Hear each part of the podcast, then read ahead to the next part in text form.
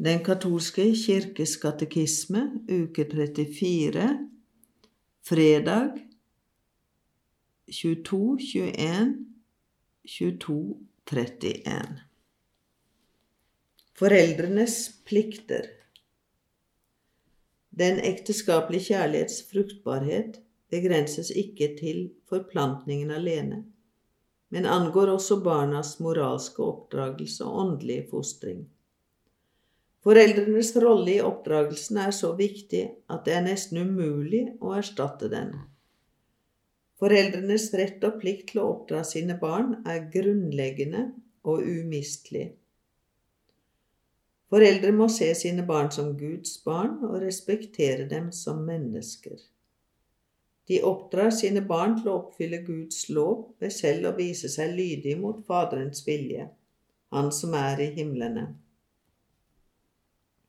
Foreldre har først ansvaret for barnas oppdragelse.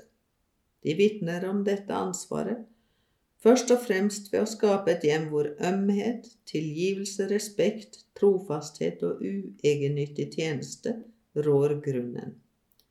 Hjemmet er det beste sted for oppdragelse i dyder. Forutsetningen for slik oppdragelse er å lære selvfornektelse, sunt omdømme og selvbeherskelse, som alle er forutsetninger for all sann frihet. Foreldrene må lære sine barn å innordne de fysiske og instinktive sider under de indre og åndelige sider.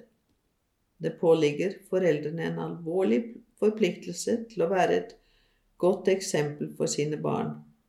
Hvis de selv er i stand til å innrømme sine feilgrep overfor barna, vil de bedre kunne veilede og rette på dem. Den som elsker sin sønn, bruker ofte riset, så han siden kan få glede av ham. Siraks bok 31. Men dere foreldre, vekk ikke bitterhet og uvilje hos barna, men la hele oppdragelsen, opplæring som rettledning, foregå i Herrens ånd. Efeserne 6,46. Hjemmet er det naturlige sted for oppdragelse til solidaritet og felles ansvar. Foreldre må lære sine barn å være på vakt overfor den kompromissånd og den oppløsning som truer menneskesamfunn. Ved ekteskapssakramentets nåde har foreldrene fått ansvar for, og særlig rett til å forkynne evangeliet for sine barn. Alt mens barna er små, må de føre dem inn i troens mysterier, den tro de er de første budbærere om for barna. Alt fra barnsben av må de knyttes til kirkens liv. Familiens måte å leve på kan gi næring til følelser som hele resten av livet forblir et virkelig ansatspunkt og støtte for en levende tro. Foreldrene bør begynne oppdragelsen til tro alt fra spedbarnsalder av. Den finner allerede sted når familiemedlemmene hjelper hverandre til å vokse i tro ved å vitne ved et kristent liv i pakt med evangeliet. Trosundervisningen i familien går forut for, ledsager og beriker andre former for undervisning i troen.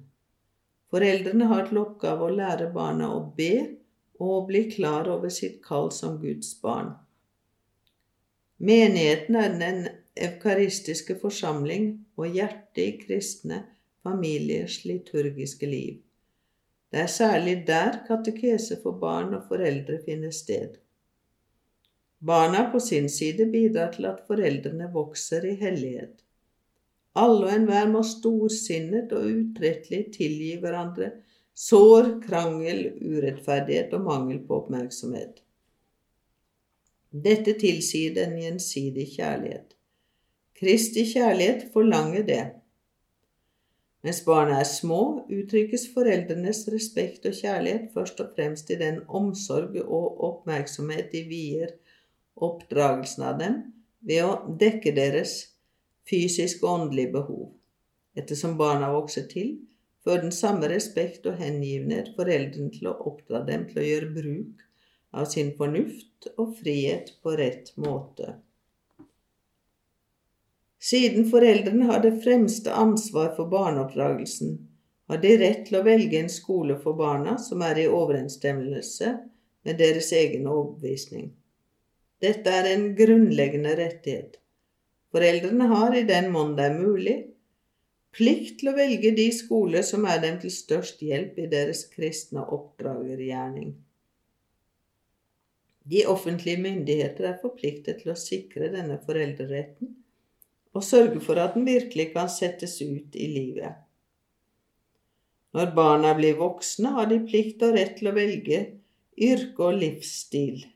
De må ta på seg dette nye ansvaret i et tillitsforhold til foreldrene som de gjerne rådspør og forhøre seg hos.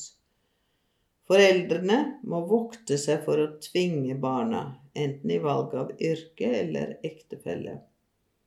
Denne plikt til tilbakeholdenhet forbyr dem ikke, snarere tvert imot, i å bistå barna med kloke råd, særlig når disse har til hensikt å stifte familie.